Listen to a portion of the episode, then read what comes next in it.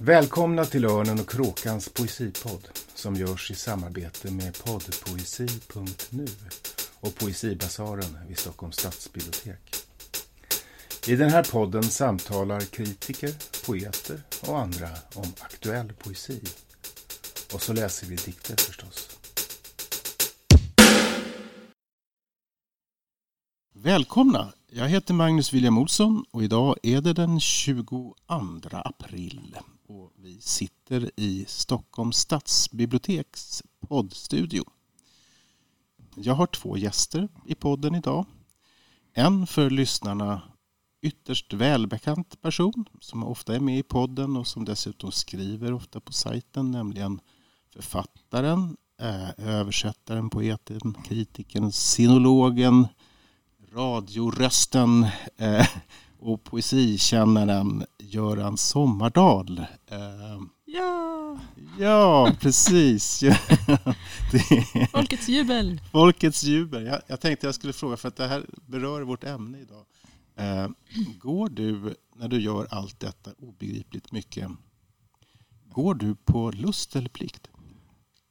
Ja, det, är en, det är svårt att svara på. Jag tror det är nästan en slags blandning av plikt och lust. För att det finns liksom i det här lustbetonade tillägnandet av, av kultur, poesi och film och teater och vad det kan vara så finns det liksom ändå någon, också, också någon slags pliktgubbe som sitter där bakom och säger det här måste du läsa. Har du inte sett den här filmen? Har, du inte läst den här poeten? Det här måste du ta, ta in. Så att, och det där, vad som är vad, det kan väl ibland vara lite svårt att veta faktiskt. Mm. Tycker jag.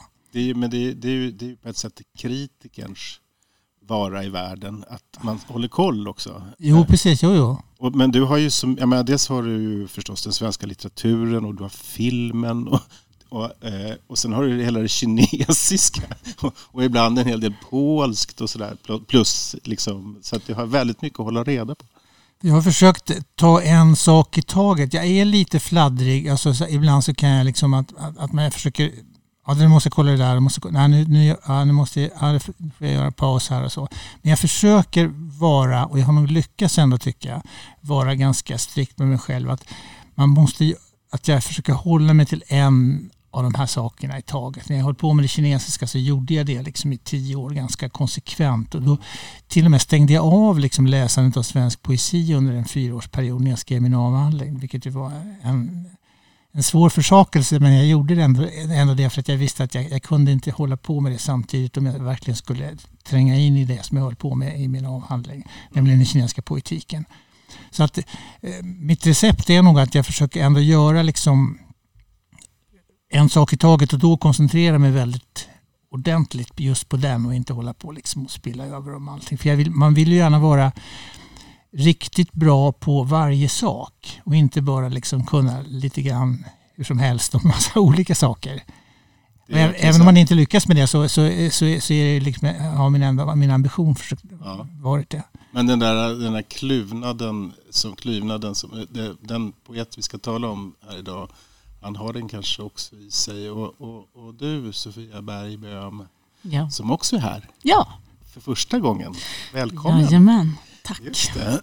Du är ju också på ett sätt eh, solitt kluven om jag får säga så. Eftersom mm. du har ju den här dubbla konstnärliga verksamheten som musiker och sångare och som skådespelare. Mm. Eh, upplever du det som en kluvenhet?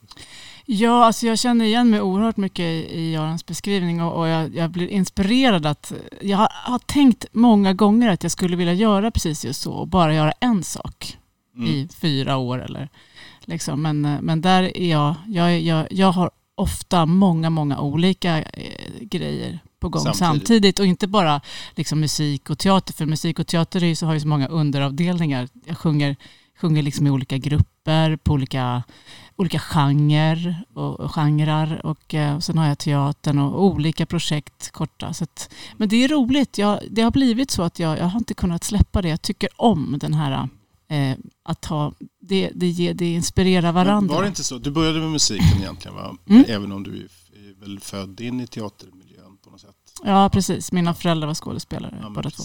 Mm. Men då så, eh, och sen blev det väldigt mycket teater och sen så gjorde du någon slags, eh, du gick på musikhögskolan och liksom tog ett tag i musiken? Ja, precis. Nej, men det var ju så att jag var ett, ett sjungande barn och, jag, och väldigt blyg. Och jag var teaterbarn så att liksom för mig att gå upp på Tiljarna var både liksom läskigt för att jag var blyg och också svårt för att jag visste så mycket om det redan. Och det var inte mitt. Så jag sjöng och sen när jag gick ut gymnasiet då, så började jag med teater. Eh, och sen så blev det teater och teaterhögskolan och det som tog över mer och mer. Men jag sjöng alltid vid sidan om. Liksom. Och sen så hade jag någon sorts plan som jag hade liksom, insåg att jag hade haft hela tiden att jag skulle bli musiker sen. Jag skulle testa, vad ska jag, vad ska jag bli? Ska jag bli skådespelare eller musiker? Tänkte jag, det är bättre liksom att ha en skådespelarutbildning eh, i botten, tänkte jag då. Eh, ja. Eh, och då, då så blev det så. Sen tio år efter att jag hade gått ut Teaterhögskolan så, och höll på med musik också vid sidan om så tänkte jag, nej, nu vill jag bli musiker. Och då tog det några vändor att jag sökte lite grann och gick lite kurser och sen så, äh, nu gör jag det bara. Så sökte jag Musikhögskolan och så kom jag in där. Mm. Eh, och sen dess har det blivit mest musik. Men det är ju, ja, teatern är ju liksom också en, en del av mig som jag inte kan vara utan. Jag, jag, det är som att det är en, liksom ett vatten som jag, mm. jag trivs i. Och jag, så jag gör det äh, varje år, liksom, spelar jag teater. Om jag får mm. chansen. Mm. Ja, äh, men det, det, det, anknyter ju lite till, till um, dagens ämne. För att Eh, Hjalmar Gullberg som vi ska prata om idag. Han, eh, teatern var väl på ett sätt hans primära intresse och han var ju också teaterchef. Eh, dels jobbade han på Dramaten men han var också radioteaterchef. Men vi ska helt enkelt, den här podden ska vi ägna åt Hjalmar Gullberg och hans verk och poesi med anledning av att eh, Norstedts ger ut hans samlade dikter. Och det är första gången tror jag sen början på 80-talet som han kommer ut. Eh, så att det är lite intressant i sig tycker jag att, eh, att eh, man ger ut Hjalmar Gullberg nu i en sån stor satsning. Det är en, det är en bok med förord av Lotta Olsson. Och vi har fått eh, av rättighetsinnehavarna så har vi fått rätten att läsa tio dikter. Så den här podden kommer att eh, kretsa kring att vi läser dikter och eh, pratar om dem helt enkelt. Men läsningen blir, blir eh, viktig. Och eh, eftersom jag vet att det är långt ifrån säkert att alla våra lyssnare känner till Hjalmar Gullberg så tänkte jag att vi skulle börja lite med att presentera honom helt enkelt. Och han, han föddes ju 1898 eh, i en eh, generation som ju rymde alla möjliga poeter. Man tänker sig att eh, samma år som, som Gullberg föds så föds Nils Ferlin till exempel. Mm. Eh, Karin Boye två, två, år, två år efter. En spretig generation måste man väl säga. och han föds... Ska vi, ska vi berätta lite om, om hans tillkomst och barndom för att den är så liksom bestämmande för, mm. för vem han blev och vad han skrev och allt det där. Mm. Tror jag. Va, hur, hur, var det där med... med... Ja, han, han, han var ju... Det var ju en, en sekreterare, en kontorist som... Eh, vad hette hon nu då? Hilda Jonsson. 21 eh, år som var eh, var förlovad tror jag redan med den här händelsen. Nej, det tror jag inte. Hon var inte det än. Nej, han, var ihop. gift. han var han gift. Var gift. Mm. Okej, ja, ja, då förstår jag. Det har inte jag förstått. Eh, nej, men i alla fall hon hade en relation med sin chef som heter Robert, Robert Brandt. Och, eh, och hon ville inte ha barnet. Hans, eh, hans föräldrar var inte gifta. Hon var eh, hans sekreterare, pappans sekreterare. Och han var gift på annat håll Eh, och hennes graviditet hölls hemlig helt enkelt. Mm. Men hon nedkom och när hon nedkom med barnet så utackorderades det genast till en eh, skötsam arbetarfamilj i Malmö. Mm. Men, men, men det märkliga var väl sen att sen så gifte sig de, de här föräldrarna till, till Hjalmar Gullberg. Mm. Och, då, men de, och de adopterade aldrig bort honom så vitt jag förstår till den här arbetarfamiljen utan men de tog aldrig till, barnet till sig utan de betalade istället en summa per månad, 15 kronor eller vad det var för ja. det här. Och sen så, så småningom också bekostade de hans högre utbildning och sådär. Så att det är ju nästan en eh, konstigare mm. omständighet än det här att de, att, de, att, de, att de lämnade bort barnet i början för att de, det var inte anständigt att få ett barn utanför äktenskapet eller så. För då, de gifte sig ändå så småningom.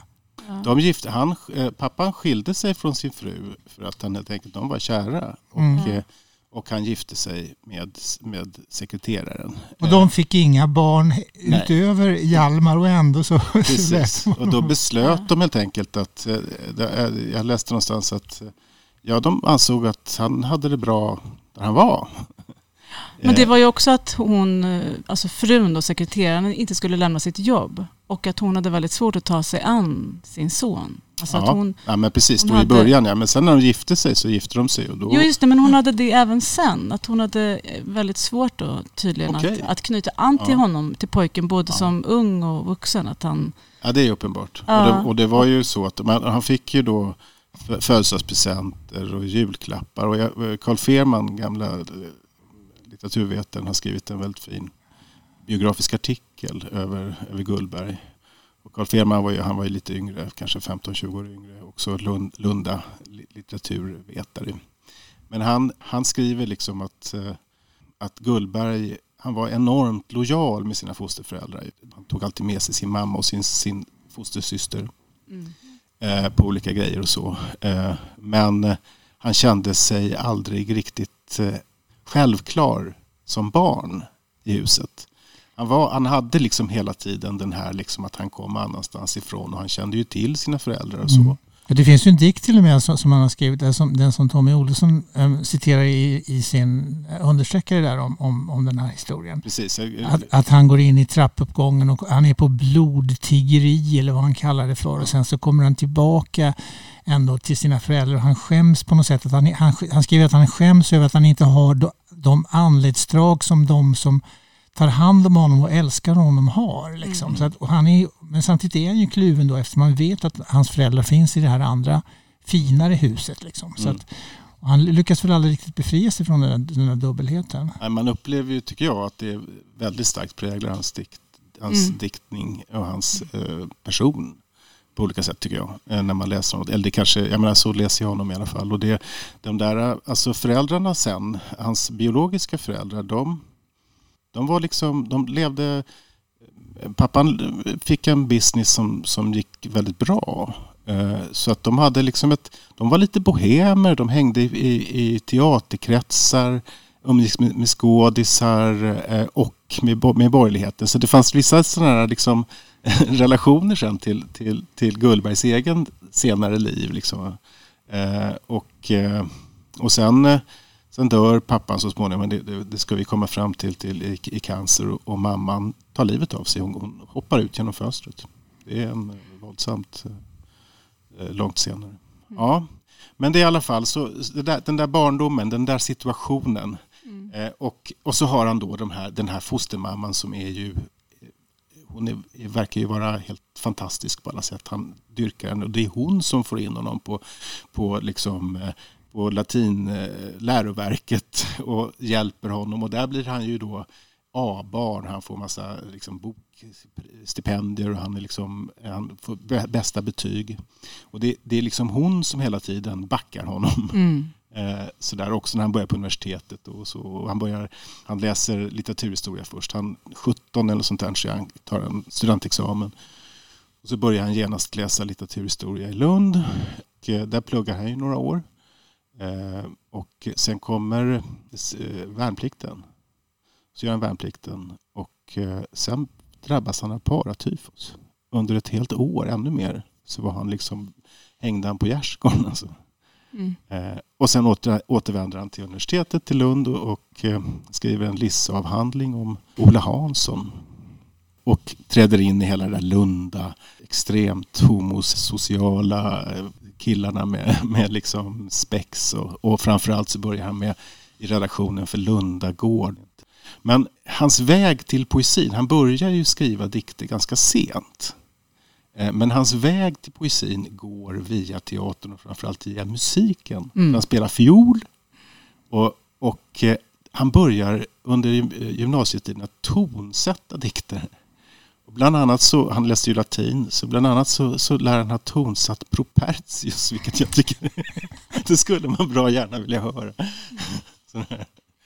Ja, eh, men har ni, har ni någon, liksom, vad tänker ni om han som, om hans ungdom? Har ni fått något grepp om det? Alltså, jag, jag, jag, jag, tänkte mycket som i början när jag började läsa, för jag har ju dykt in i det här materialet nu när jag fick frågan att vara med, så, så blev jag väldigt förbryllad av det här. Både hans liksom början på hans liv, hans traumatiska eh, liksom start och hans då slut som vi kanske pratar mer om sen. Men så tycker jag när jag ser in bara spontant i hans liv och hans verk att det är så robust liksom.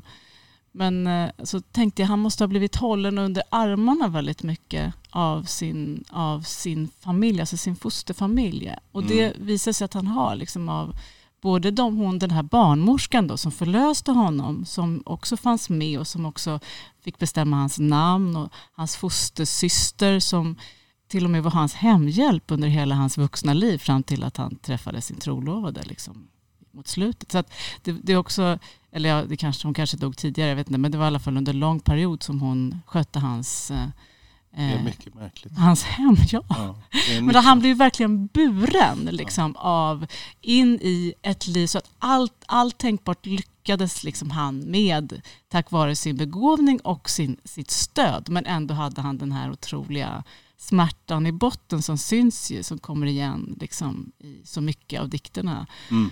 Eh. Mm.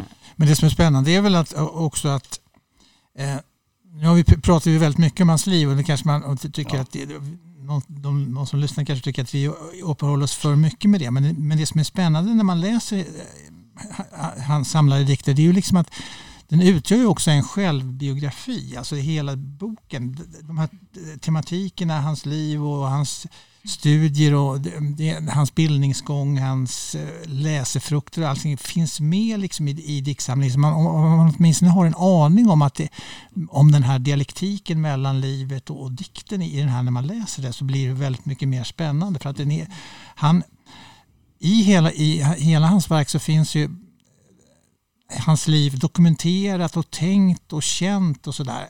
och det här har han dokumenterat och tänkt och känt i den typ av litteratur, de poetiska former som han också tillägnade sig när han läste så att, så att allting liksom går igen. Mm. Så det känns väldigt som en, som en, att det är väldigt spännande att läsa liksom från början till slut dikterna i den här, de här tio diktsamlingarna som finns i den här dikten. Ja, därför att, därför att de, de ger, och inte minst också då en, en tidsbild naturligtvis, hur han förändras när tiden förändras och så under kriget och när nazismen börjar komma. Man, man behöver inte känna till mer än att det kommer, men man känner att det finns med där hela tiden. Så på det sättet så är det om man har några av de här, de här biografiska utgångspunkterna och de historiska händelserna liksom utplacerade så, så, så får man en så känns det som en väldigt eh, spännande historia om hur en, en människa kan tillägna sig liksom sin egen sin egen, sitt eget liv, sin egen uppväxt, sitt eget öde tillsammans med det som händer i, i eh, den stora världen. Mm. Med hjälp av den, mm. den litteratur som han tillägnar sig. Att han skriver liksom och dokumenterar och känner och tänker med mm. hjälp av poesin och dikten för att kunna liksom ja, hålla livet på plats eller vad man ska kalla det för. Ja, och kanske också skapa sig. Det är en själviscensättning i hög utsträckning i min känsla. Att det finns ett väldigt teatralt drag i hela hans liksom, förhållande till sitt liv. Hur han ställer fram sitt liv och, och döljer det och sådär så, i sin diktning. Tycker jag. Det där, ja, absolut, det finns det absolut. Det där är väldigt intressant. Vi, ska, vi, ska vi börja lite där? Vi, kommer, vi mm. kanske kommer dit. Eh, eh, vi ska börja med hans... Alltså, eh, 1927, eh, då då har han, eh, det är alltså samma år som hans biologiska mor tar livet av sig. Och det är också då han debuterar eh, med, eh, han, tillsammans med, han har blivit kompis med Olle Holmberg, också litteraturprofessor sen, som då är, de är jämnåriga och de är unga och Olle Holmberg har via sina kontakter med Fredrik Böök bland annat hjälpt honom att få kontrakt på den här första första eh, diktsamlingen som heter I en främmande stad. Eh, Och som kommer då, han skriver den färdigt på sommaren när den kommer redan i september 1927. Eh, då kan man säga liksom där eh, Karl Ragnar Giro har nyligen eh, debuterat. Karin Boyes hon hade precis kommit med sin tredje diktsamling så, fast hon var lite yngre. Så bara för att få en liten, liten, litet eh, perspektiv. Men, men du Sofia, du har, du har valt att läsa två dikter ur den här första eh, boken. Ska, vi, ska du börja med en? Ja. Capriccio. Just nu när jag för tillfället förhåller mig passiv mot hela omvärlden och har ingenting för mig och är ensam i mitt rum faller det mig in att kanske min obetydliga person befinner sig just nu i någons medvetande på annat håll, långt härifrån. Det skulle vara lustigt att veta var jag på detta sätt kan ha betydelse för tillfället.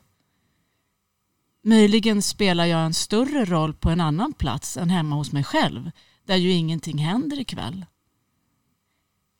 Vid närmare eftertanke finner jag att detta är en trasslig härva. Ett ansvar så stort som jag aldrig anat gör mig ängslig. Jag ville, om jag kunde, samla in från alla håll och kanter alla garnändar, alla trådstumpar jag slängt ut i världen knyta ihop dem efterhand som jag fick tag i dem och nysta det hela till ett runt litet nystan som jag ledigt kunde hålla i min hand. Ja, Wow. den här är så underbar. Är Jag, jag fastnade, jag liksom, den är ju väldigt tidigt i boken men jag fastnade och igen och igen för den. Den är väldigt speciell tycker jag. Och den är för det första inte på vers, vilket känns jätteovanligt. Alltså nästan allt han skriver Det är, är ju ju på vers. det är intressant. Alltså, Mm. han, var ju, han, eh, det, han, han började faktiskt, har jag läst, eh, jag har inte läst om dikterna, men redan 1923 så gjorde han sin första resa till Frankrike, där bodde han i Paris. Och Ja. då skrev han typisk modernistisk Ja, just det. Han började poesi med lite eh. Ja. där. Och det här, det här är ju en, det här, det är verkligen intressant. Ja, den är så himla modern och också lite så här, jag tyckte direkt den skulle kunna vara skriven nu. Förutom att nu har man ju en smartphone så nu behöver man inte något litet nystan för att nysta ihop alla impulser som finns. Jag, jag tyckte det var väldigt så här, den är så ung och liksom, den beskriver så mycket nu. En ung person som vill ut, som vill få bekräftelse, som vill möta människor och, och lite ängsligt också det här med vad har jag sänt ut till andra, vad har jag vad, vad, vad har jag gjort för avtryck? Liksom? Tänk Mm. om jag kunde samla allt det bara till en... Men också väl det här att, han, att, det, här, att det, det är ju sin oro och ansvaret som han liksom gör till det här lilla nystanet. Ja, Och som, det, är, det är också en, en, det är närmast en liksom terapeutisk bild. Att liksom man, tar det som är sin, man tar det som är sin ångest och oro och, och in- inför ens ansvar i världen som man inte kan hålla koll på. Så gör man ett litet nystan av det och så, Ja. och så håller man det i sin hand. Det är väldigt nästan sådär jungianskt. Ja, det är jungt. Det är liksom, han, han använder sig av en slags tankefigur liksom, som, som drar igång alltihopa. Hur skulle det vara? Hur kan det se ut? Menar, var, var är jag någon annanstans i någon annans huvud på en annan plats där någon annan tänker på mig eller, eller kanske till och med agerar gentemot den som jag är för denna person eller för dessa personer. Så, så att på det sättet är, är, är den väldigt modernistisk också i sin i sin figur. Liksom. Det, det, det den gör liksom, med, med, med den här tanken, att den låter den spinna vidare bara. Mm. Mm. Och det var ju ehm, när den här boken kom ut så, så eh, Gullberg blev, ju senare väldigt omåttligt populär. Men den här boken, hans första två böcker egentligen, de fick ganska sval kritik. Sten Selander kallade dem just svala i Svenska Dagbladet och, och Bo Bergman var, var liksom taskig mot dem i DN. Så, där. så att han, det, hans första bok, den här boken var liksom inte, han fick- det fick ingen genomslag direkt. Men eh, ja, det, det, den här, just den här dikten är ju verkligen, den viker ju av också på många sätt Mm. ur, ur, ur, ur samlingen. Men du, du har valt en till ur den här. ja. Ja. Legend. En flicka i vår gård blev sjuk och dog. Hon lekte för sig själv och ingen tog notis om henne medan hon fanns till.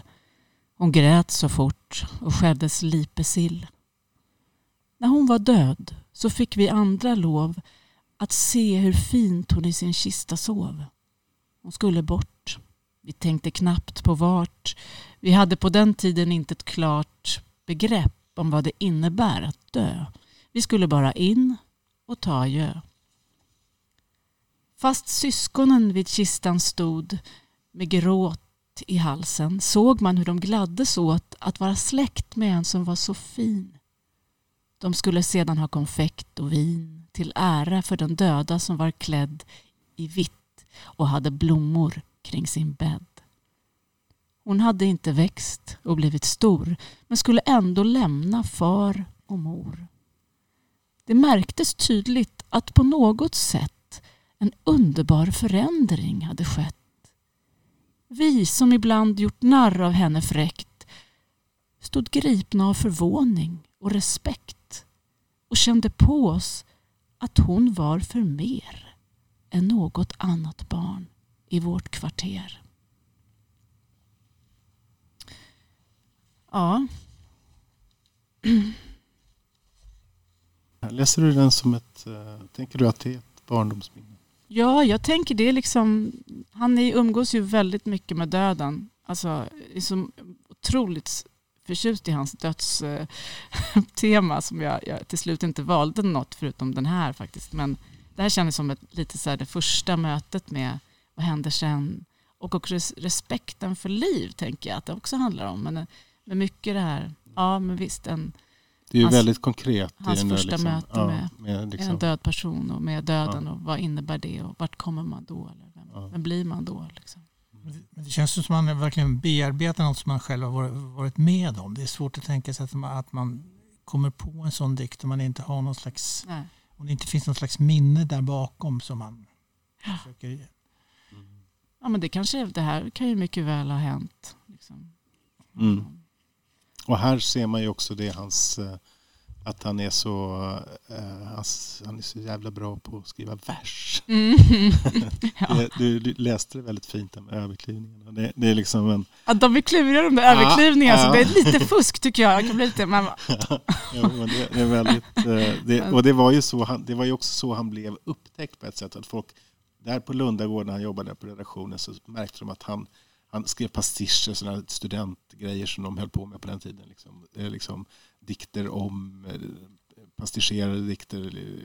Man kände igen för den antika förlagan och den handlade om någon, mm. någon lärare eller något sånt där. Eh, men alla såg att, att wow, här, att han hade haft, han, liksom, han blev känd för att han var så bra på att skriva, skriva vers. Mm. Också att det satte sig igen i kroppen. Liksom. Det, var, mm. det var musikaliskt i den, i den genuina meningen på något sätt. Eh, det, det tror jag att man...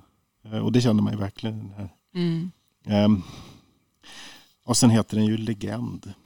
Mm. Uh, ja, det är på ett sätt det där förhållandet mellan minne och legend tror jag det är också en relation som att göra att göra liksom minnet litterärt, legendariskt. Mm. Det gör han ju verkligen i, i... Men också tänker jag, alltså det som det handlar om är ju mycket att hon var en person som de eh, retade. Alltså mm. Hon var utanför. Hon var, hon, när hon levde så gjorde de henne olycklig. Och sen när hon dog så var hon för mer. Hon var bättre än dem. Att det är också någonting som ett tema som jag tycker kommer igen med det här med att vårda, att ta hand om att, att Gud finns i livet, liksom, ja. i hur vi möter varandra. Mm. Det finns också, i, ja, i förklädd Gud finns ju det också, att det här med att Gud går bland oss. Liksom. Han, alltså hur, i våra möten. Liksom. Mm. Men, och också, det, det är också, men också skam är ett ja. genomgående tema. Eh, det, hans kärleksdikter är ju hela tiden förknippade med skam. De erotiska dikterna, finns, skammen ligger väldigt, väldigt nära. Och det här är ju ett, det är ju ändå en slags bekännelse av, av liksom just att de, den här flickan var, var taskig emot mm. Eh, på något sätt. Det finns något. Och, ja, um, vi går vidare. Uh, Göran, du har, har valt en dikt ur nästa diktsamling som heter Sonat. Ja. Och ja, det, alltså, varför jag valde den, det är inte för att jag, jag tycker att det är någon kanske av Gullbergs allra bästa dikter, men det är att Dels när jag var redaktör för Dagens dikt så var ju den här, den 24 december varje år så skulle den här dikten läsas i, i Dagens dikt. Ja. Och då gällde det bara att hitta olika skådespelare som läste upp den så att det blev liksom variation på den hela tiden. Och jag tyckte själv liksom att lite konstigt att den, den gamle radioteaterchefen har både, både den dikten prenumererat på den dagen plus att han också hade prenumererat på den, den 31 eh, eh, december som var en annan dikt som, som, som lästes då, som sedermera försvann. Men, men, men, men samtidigt så, är, så när, när, jag ser den här dikten så tänker jag, så jag att det är ett tema som oss återkommer hos Gullberg. Där, och i, i, av alla de dikter som han har skrivit eh, som, med kristna motiv så är det här födelsen, barnets födelse, Jesu födelse, Maria och de vise männen och Josef, alltihopa den här heliga familjen och så. Det, det återkommer hela tiden. Det är liksom en viktig... Och det, det är inte bara då som ett kristet motiv, utan det är också det här att ett barn är fött idag. Om vi går tillbaka till hans egen bakgrund och hans egen, hans egen födelse, hur, det, hur dess sociala sammanhang och så. Att, att, det, att det var en väldigt stark upplevelse för honom. Och det, det, när man läser den här dikten, som det då är en dikt som ska vara en jul, juldikt så är det, handlar ju det viktiga är ju liksom det här att ett barn är fött, alltså själva födelsen. Det är det som är själva jublet. Det är inte så mycket det religiösa runt omkring utan det är liksom väldigt på, liksom, påtagligt starkt det som händer när, någon, när ett barn blir fött. Mm. Och det var därför som, som jag ändå stannade inför att läsa den. Alltså ett barn är fött idag. Rödaktigt lyktsken glänser på frusen trottoar. Långt bortom tidens gränser ett ögonblick jag var. Jag hörde bortom tunga, grå fält och vattendrag en hederskara sjunga. Ett barn är fött idag. Jag hejdar mig och tänker, står jag i hörnet kvar? Rödaktigt lyktsken blänker på frusen trottoar mitt öra blåsten piskar med kalla gisselslag. Men djupt i mig det viskar ett barn är fött idag. Din vinternatt som kuvats av frosten och låg stum, ande, har förljuvats av evangelium. Snart skingrar morgonglöden allt mörker kring ditt jag. Förgängligt är blott döden ett barn är 40 dag. Mm. Det är ju, um, jag tänker att hans, hans uh, religiösa sida som ju är Eh, påtaglig, inte minst sen i nästa bok, men i den här boken också överhuvudtaget. Eh, det är ju en, eh, det är ju ett, han är ju inte så intresserad av Gud som han är av, av just människan. Eller vad tänker ni om det? det ja, men jag, alltså för jag har nog inte tänkt det. Jag kanske bara hoppar över det där med herdeskaran som sjunger. För när jag läste den så jag kopplade inte att det var julafton och Jesus. Men nu förstår jag att det är det. Men det är ändå ganska förtäckt. Det känns ju som att det viktiga är ju här att det föds ett barn nu mm. och nu. Alltså, nej att det är, det, det att, man, att man, när man slås av den tanken att det mer är ett eh, Johan använder ju den tematiken för att artikulera någonting annat än en, en känsla inför det här, liksom själva födelsen och så. Och, ja. och, det att, att han, och undret för, på sätt och vis, han står ju där liksom i, på, i, i, kanske i regnet och det är lite på den här trottoaren och, liksom, och återkallar det här att det faktiskt det är faktiskt ett, ett, barn som har fötts idag och detta är liksom Jesusbarnet.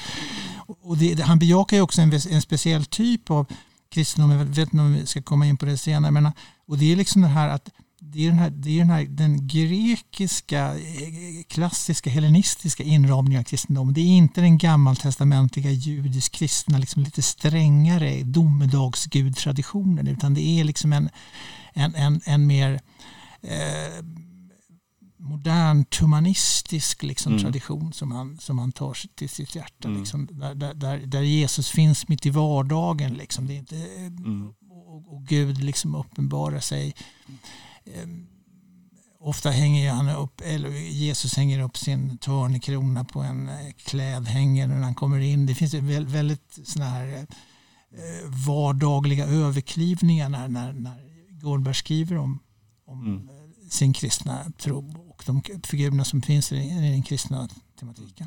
Mm. Och där har han ju också, där finns det ju en, en bysantinsk östkristen sida som du säger, en hellenistisk. Alltså det där som är en, ehm, liksom, jag tänker på alla de här eh, grekiska eh, barn, Jesusbarn, ikonerna, alltså Glykofilosa, den, den, den ömma moderns, där man ser där Maria med lilla barnet, det här lilla barnet, men också Pankrator, alltså den här liksom världshärskarbarnet, men det är liksom, det är människan som, som eh, som står i centrum. Liksom. Och, och, sen hade han ju det där intresset för, för religion eller andlighet som, som också är eh, han, han, studerade ju indisk religion och, och, och så. Och han var liksom, han, han, men han var östligt orienterad får man väl säga i sin, liksom, sin religiositet, sitt religiösa intresse. Var det alltså han som hade bestämt att den här skulle läsas på julafton? Jag undrar, jag tänkte säga det. Jag vet inte. Eller var det någon annan som Nej, men jag, jag, jag, försökte luska lite. Jag, jag tror att det, att det blev liksom på något sätt att de att man smickrar någon. Men hörru Hjalmar, du har ju skrivit en dikt som här, skulle vi inte kunna ha den? Det var ju ja. Pontus Boman som egentligen var den som drog igång Dagens dikt och den som länge liksom bestämde över den. Så det, det blev liksom lite kompiskänsla är det väl, kan man väl förnimma där i själva valet av den här dikten. Mm.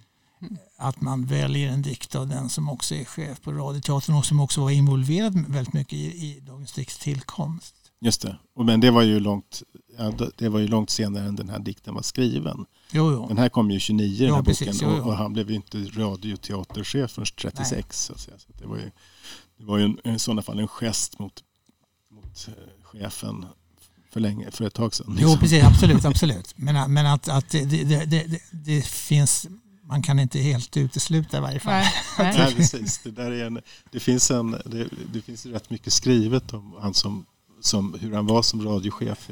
Det, jag vet att eh, Erik Hjalmar Linder skriver att eh, han, eh, han, jag tror att han skriver att han njöt av själva maktutövningen.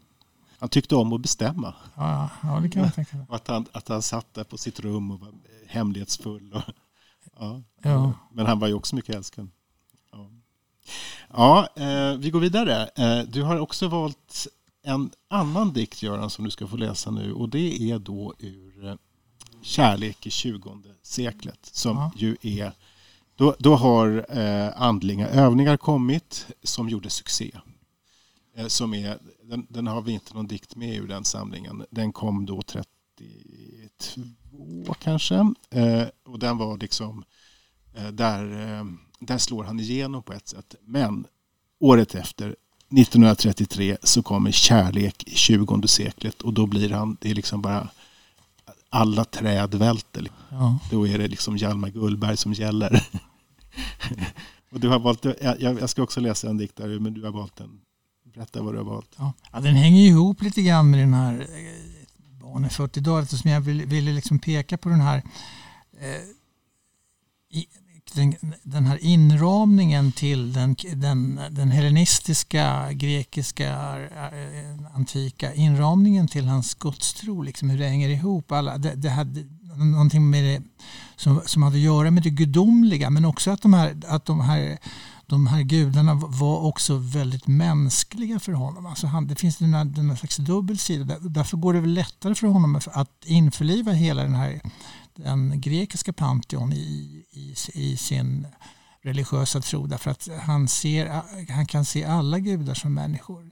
Möjligen alltså att den kristna Gud fader kan mer framstå i hans, tycke, hans poesi som inte som någon eh, som mer som en slags abstraktion, en slags eh, någon, som finns där bakom men som man aldrig liksom riktigt kallar fram. Liksom, utan utan det, det är de här andra eh, lägre eller vad man ska säga mera mänskliga manifestationerna av gudarna som, som, han, som han skriver dikter om. Och, och den här eh, den, den store guden är mer liksom en, en, en princip, en moralisk, ett, eh, ett, ett kategoriskt imperativ som finns där bakom.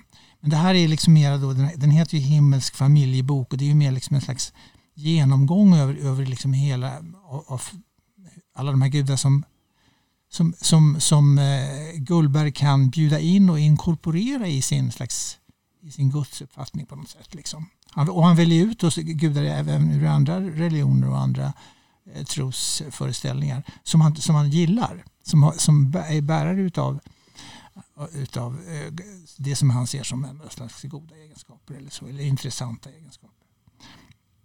Alltså, Himmelsk familjebok.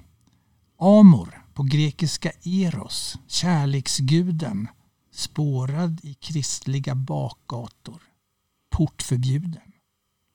Balder, germansk gud, förkunnade evig frid, som pacifist förbjuden på obestämd tid. Ceres ser osäljbar spannmål åt elden föräras medan de brödlösa grannfolken undernäras. Demos, den ofödde folkgudens saga blev kort. Avlad av Marx. Död följande sekel. Abort.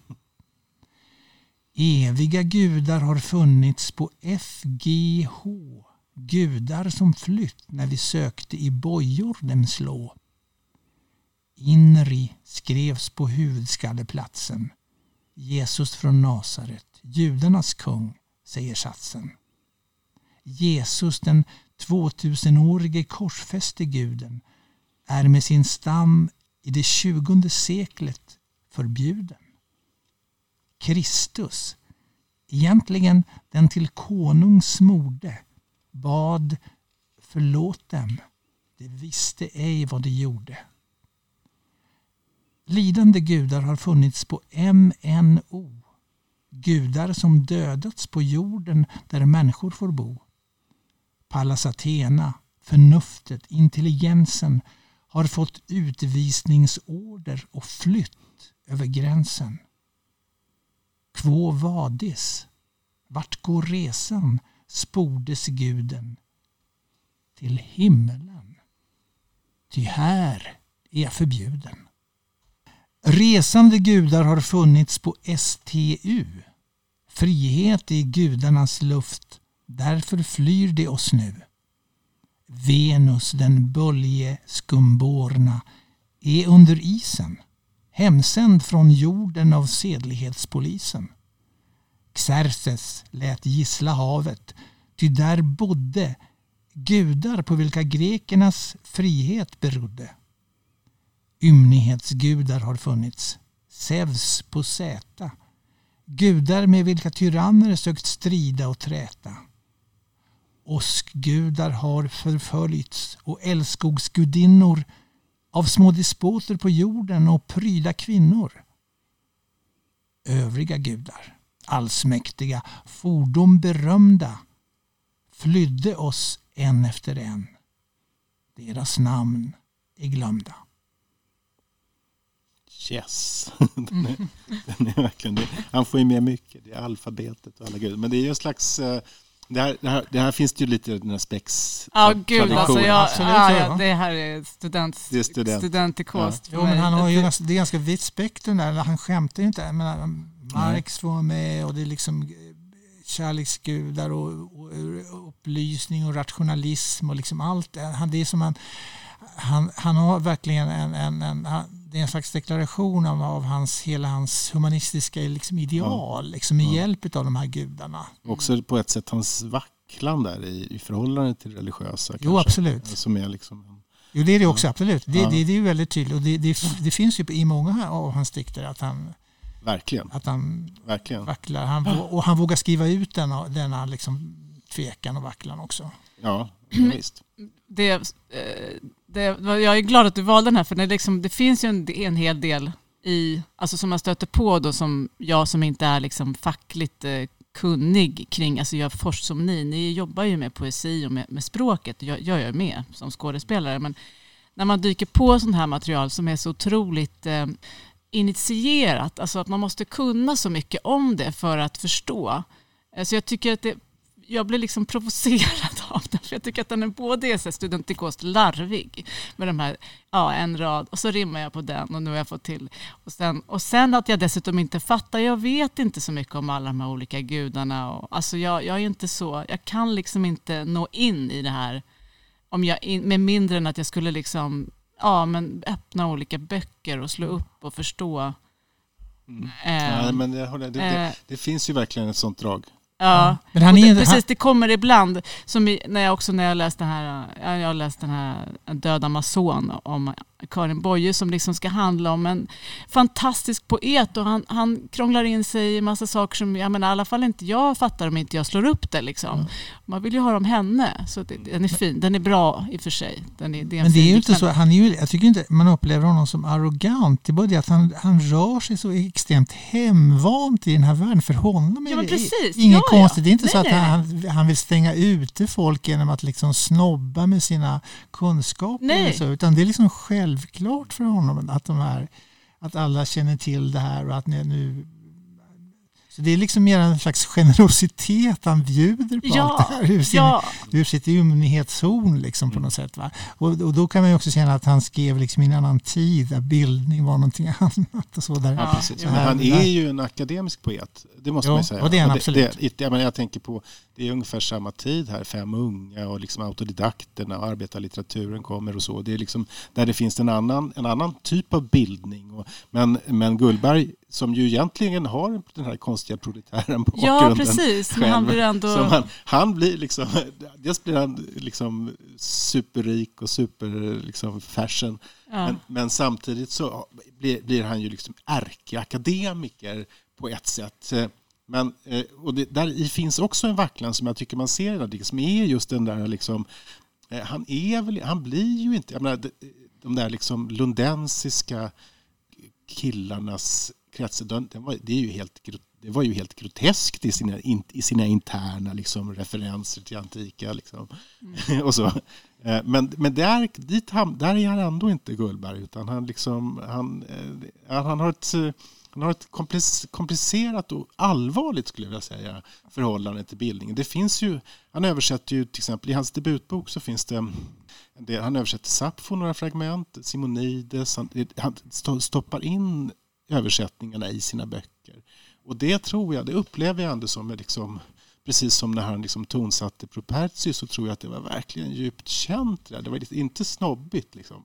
Fast, eh, eh, fast det ju kan verka utestängande på ett sätt. Eh, ehm, Nej, men det, det, det är ju självklart att man, är, man inne i är man inne i en djup kunskap så använder man ju sig av sina... förstås. Så är det Ja, ju liksom. ja. Den, eh, Och numera har vi ju Google lyckligtvis som medläsare Ja. alltid så att det går så fort att slå upp. Jo, behöver inte gå till absolut. biblioteket. Så att, ja, så att nu, nu för tiden är referenser inget, liksom, det finns ingenting om det. Jo, man får ju se det som en utmaning snarare än som en provokation. Liksom. Ja. ja, exakt. Jag tror också att det tack, ska vara tack så. Göran. Jag ska tänka på det till nästa gång. Ja, men jag har också valt en dikt ur den där. Och jag, jag har eh, ur, ur Kärlek i, i 20 seklet. För att det, det var ju det. Han, han, han blev ju liksom superkändis på den här. Och det var den som gjorde, honom, gjorde hans karriär på ett sätt. Han hade då eh, tidigare hade han översatt framförallt dramatik. Eh, han hade översatt eh, Euripides, han hade översatt Aristofanes, han hade Lysistrat det eh, tillsammans med, med Ivar Harje som, Ivar Harje som ju sen blev berömd journalist och chefredaktör för Expressen. Men med den här boken blir han ungdomens poet. Och, eh, jag valde den här dikten underskrift eh, därför att eh, jag läste Lars Gustafsson skriver i författarnas eh, litteraturhistoria om, om Gullberg. Eh, och författarnas litteraturhistoria den kom ut på 70-talet och är som alla böcker präglad av sin tid. Eh, och Lars Gustafsson gör en, en iakttagelse där som jag tycker är central. Han, han säger nämligen att Gullberg upprättar en, en relation till sin publik. Det är liksom jättetydligt. Eh, han skriver så här, eh, jag citerar.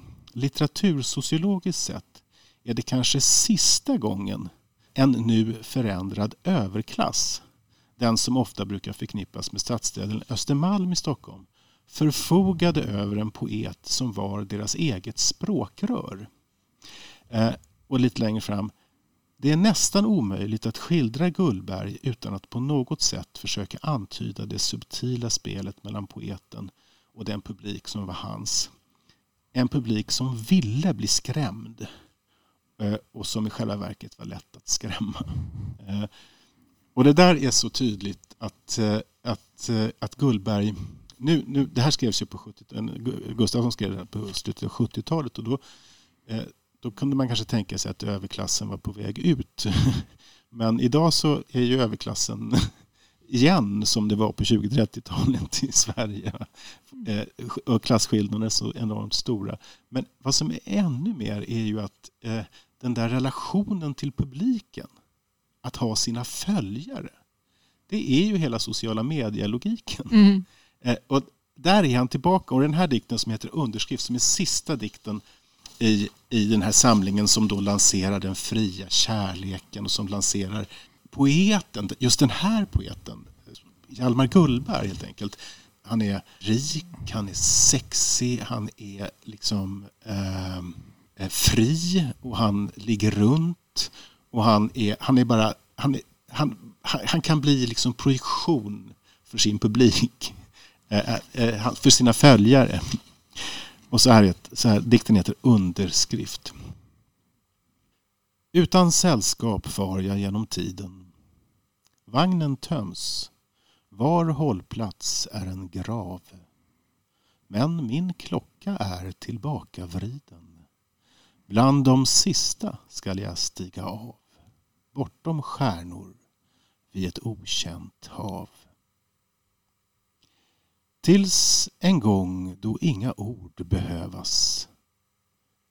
Jag blir ett med den jag håller kär.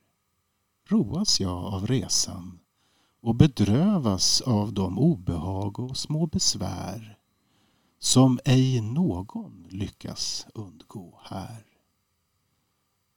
Tills en gång mitt väsen uppenbaras är jag Hjalmar Gullberg rätt och slätt sörjer utan att det kan förklaras och är lycklig på mitt eget sätt utan att jag själv förstår mig rätt. Um, det där är en, liksom, den, den är så flörtig. Liksom. Det, det, är liksom en, en, det är en poesi som vickar på rumpan eh, hämningslöst. Och sen när nästa, eh, nästa diktsamling kommer ett par år efter så, he, så har ju den en titel som är direkt från en kontaktannons. Va? Ensamstående bildad herre. Det är liksom, han lanserar sig själv som pro, projektionsyta för publikens liksom begär mm. på ett fascinerande sätt. Ja. Och där, har jag också, där, där kommer ju också där, man, det, det här Birger Sjöbergska in liksom, väldigt starkt. Att man förstår det här, att det var en viktig inspirationskälla just för den diktsamlingen. Eller, eller för den poesi Ensambildade här, ja precis. Ja. Ensamstående bilder, ja precis. Ja, verkligen. Där var det, det, det är en, en, det är en värld. Eh, det är ju helt enkelt den lundensiska eh, akademiska världen. Ja, och, och, och, den här eh, adjunkten som är där och han som upplever de här olika sakerna. Liksom lite tragikomisk och mm. lite, lite olycklig men ändå liksom jag vet inte vad man ska säga. Men det, det, det skiljer sig mycket från själva, själva klangfärgen hos Birger Sjöberg. Men, det, men, men själva att, gör, att skapa sånt där galleri av personer liksom i, i, i en samling är ju typiskt. Mm. Man kan inte undgå att, att ja, det, det, det tänker man ju på direkt, verkligen. Det, det är väldigt, väldigt tydligt. Och... Jag uppfattar den här dikten jättemycket alltså som en, att den handlar också om hans sökande efter sig själv och, och döden. Alltså att han, att han, att han, har, en, han har sitt trauma. Liksom. Han, är, Absolut. Han, har, han är road av resan och bedrövas av obehag och små besvär som finns i det här livet. Tills jag en gång blir liksom mig själv då när han dör. Tills dess. Eh, och så kommer jag sörja utan att det kan förklaras. Mm. Är lycklig på mitt eget sätt utan att jag själv förstår mig rätt. Det tycker jag är så himla bra. Alltså, eh, det känns otroligt det känns kännbart. Nej, men att man, ja, men, att han, han, inte vet liksom riktigt vem, Nej, men så är det ju verkligen. Det är ju också det som är, gör honom så lockande Ja, ja. och liksom intressant. Mm, en projektionsyta på Ja, det precis. sättet. För ja. att man liksom, det, är inte, det är verkligen inte dåligt på något sätt. Men det är, liksom, Mm. men det är, det är ett spel med liksom, eh, Med rollen, med, rollen, rollen. Hjalmar Gullberg. Ah, ja, ah, och med ja. att dölja sig och visa sig och liksom vara, vara, möjlig, vara objekt och dra sig undan som objekt och sådär. I en, i en liksom, eh, och där tror jag, jag, jag tror att du har en poäng där, att, att, det, har- att det har med rollen att göra. Det finns ett påtagligt teatralt drag Mm. helt enkelt. Att, att, att, på ett sätt att gå upp på scenen och där kan man i någon mening så ett spår hos Gullberg är ju att det är just när man är uppe på scenen som man är överhuvudtaget. Ja. Eh, för det finns ju också en, en liksom jag-utplåningens eh, tematik hos honom. Liksom. ja. Att försvinna helt och hållet. Men just det där att, att gå upp och, och, han, är så, han har sånt enastående självförtroende samtidigt som han ju är så osäker eh, i, i de här dikterna. För att han vet, liksom, jag vet att eh, de där, hans kamrater i ungdomen, han, han var känd som kvinnokar på det sättet. De kallade honom för, han var ju snygg liksom. Eh, de kallade honom för Bagheera. Vad roligt. Men innan, eller vad, då Ja, måste det- de ju ha sett Disney-filmen då. då. Nej, det var nog inte, det var nog Nej. på Kipling. Ja, Kiplings tid. Det var på Kiplings tid. ja, Det var själva Kipling, vadå Kiplings... Kipling? Det var han som skrev skrev- boken som Alltså, blev Djungelboken. Jaha, okej, så det är fortfarande samma Det är Bagheera? samma, Ja, det är samma Bagheera, Bagheera. precis. Ja. är samma karaktär. Men han var liksom sådär. Och här är han ju, liksom, han betonar ju då i, i den här boken att han liksom att det, han är ju fri och, och han har Ja. lösa förbindelser och det är helt Ja. okej och med fri kärlek och liksom det är det som, Ja, ja. som ja. ja, ja, visst. Jo, men han turnerar i den, den där, eh, den där liksom, eh, rollen på många, i många dikter. Jag tänkte på den här mannekängen i Her- herrekipieringsaffären som finns, som finns på Legat över Vinna världen. Där han ser sig själv som en skyltdocka som står där med väldigt snygga eh, gångkläder, alltså manliga gångkläder. Så kommer en kvinna som han tycker är väldigt vacker. Och försöker han locka henne men så, så kommer hon in och köper det här till en annan man, de här kläderna och tar av honom så han blir naken. Liksom där. Det är jätteintressant. Det- är så, så vanligt tema hos honom. Ja, det är ett väldigt vanligt tema. väldigt Så, att, så att, att, att, att, turneras på olika sätt, olyckligt, lyckligt, eh, men att det är ett, liksom, teater, man spelar upp någonting hela tiden. Alltså, så man, man är, det, det är liksom en, en eh, hur ska det gå i den här uppsättningen av mitt liv? Ja, liksom. Ja, det. det är också intressant för att skyltdockan är så. Vi pratade lite grann om det Sofia jag innan vi började spela in här. Att jag tror att vi pratade om Anna Margolin, den poeten, New York, jiddischpoeten som bodde i New York och skrev urbana dikter. Mm. Och hon skriver också om skyltdockor. Det är många som gör det. det är den där, Ja. liksom, skyltdockan är just den där objektet, det är projektionsytan. ja, just det. Just det. Ehm, ja, ehm, just det. Människors möte, Göran. Ja. Ur, ur boken Att övervinna världen från 1937. Ja, då ska jag läsa. Människors möte. Om i ödslig skog ångest dig betog kunde ett flyktigt möte vara befrielse nog. Giva om vägen besked, därpå skiljas i fred. Sådant var främlingars möte enligt uråldrig sed. Byta ett ord eller två gjorde det lätt att gå. Alla människors möte borde vara så. Det är det här det flyktiga. Ja, det flyktiga. Alltså det, och det här, här, här är ju, eftersom det inte finns något, här är ju väldigt nedtonat nästan till en sån aforistisk nivå. Liksom, att man beskriver det här. Det, här- vad, är, vad är den innersta kärnan i det här mötet? Sen kan man brodera ut det. Det kan vara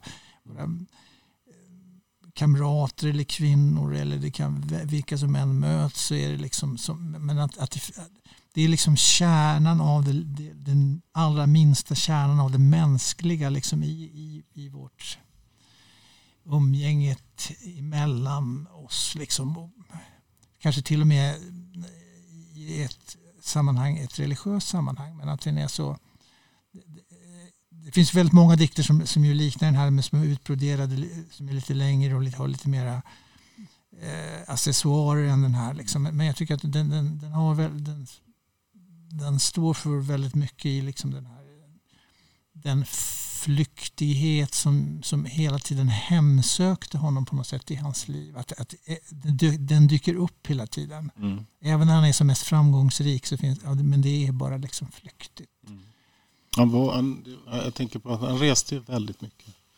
Han ägnade enormt mycket tid åt att resa i olika länder. Och det där är liksom, det, han, eh, det är ju inte eh, och den där flyktiga förbindelsen, också den flyktiga kärleksaffären då, eh, som är mm, hela tiden återkommer. Och det, det, det, är ju verkligen inte så många som skulle säga att hålla med honom i sina liv att alla, alla möten borde vara så här. Liksom. Men gud vad roligt att ni säger så, för att jag har inte alls gjort de här associationerna. Alltså, men nu, nu har jag ju er och då tänker jag just det, det här är Hjalmar Gullberg för honom är det viktigt att det bara är ett kort möte. Jag har, bara, jag har tänkt tvärtom, att det här är, så här, det här är en klassisk dikt för, liksom, från, för oss eh, verklighetens folk. Alltså, att vi ska vara trevliga mot varandra när vi möts. Alltså att människor, så tänker jag. Ja. Man möter någon i en skog och istället för att vara hotfull eller rädd så säger man hej, kan du hjälpa mig med vägen? Ja, visst, gå dit. Att det, att det är det det handlar om. Jag tänker tvärtom, att det är en, liksom en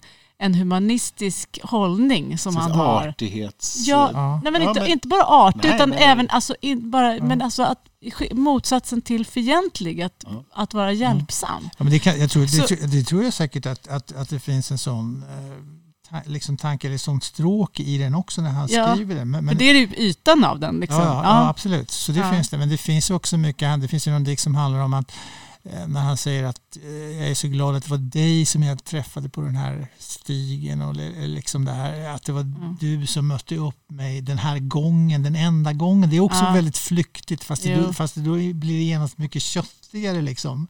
Förstås den här minnet av det hela. Men, men, men det här är liksom en slags koncentrat av det här och, då, och där finns ju det här också att alla människors möte borde vara så. Ja. Att, att, man, att även det flyktiga innehåller, kan innehålla sin liksom humanitet eller mm.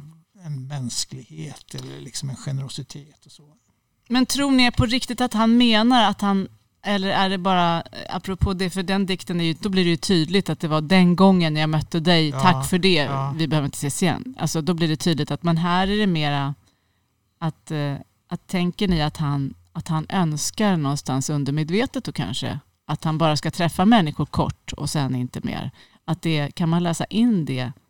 Jag tror, jag tror att han... han det... Byta ett ord eller ett, ett två gjorde det lätt att gå. Ja, jo i och för sig, då, säger man, då går man vidare. Men om man läser hela, liksom, ja, i synnerhet vår situation, men vi har läst igenom hela hans samlade verk, så, så känner man att, att han, går, han, han Ibland är det si, ibland är det så. Han, liksom tänk, han bearbetar hela tiden sin erfarenhet och hur livet ser ut. Och ibland så kommer han fram till det det här är en sak som man kommer fram till då, att det, att det här flyktiga mötet är ändå, kan ändå vara bra. Alla människors möte borde vara så. Mm. I, I, nästa ögonblick så blir det mer liksom traumatiskt. Varför ska det vara ja, så varför kort? Ska det liksom? vara så? Ja. Varför kunde det inte varför vara längre? Och ibland så, så, kan man säga, jag var ändå glad att det var dig som jag mötte i detta flyktiga möte. Tänk om det hade varit något som jag inte, som jag inte hade älskat så, lika mycket. och så. Mm. så att, det, det, finns, det finns inget stillastående i varje dikt utan man hoppar liksom från den ena dikten till den andra så byter han liksom ståndpunkt och att han hela tiden det gör liksom också hans storhet som poet eller gör att han är spännande att läsa. Att han, ja, att man kan inte, tolka det på många sätt. Att han inte stannar av och försöker Nej. skriva samma dikt hela Nej. tiden utan det blir olika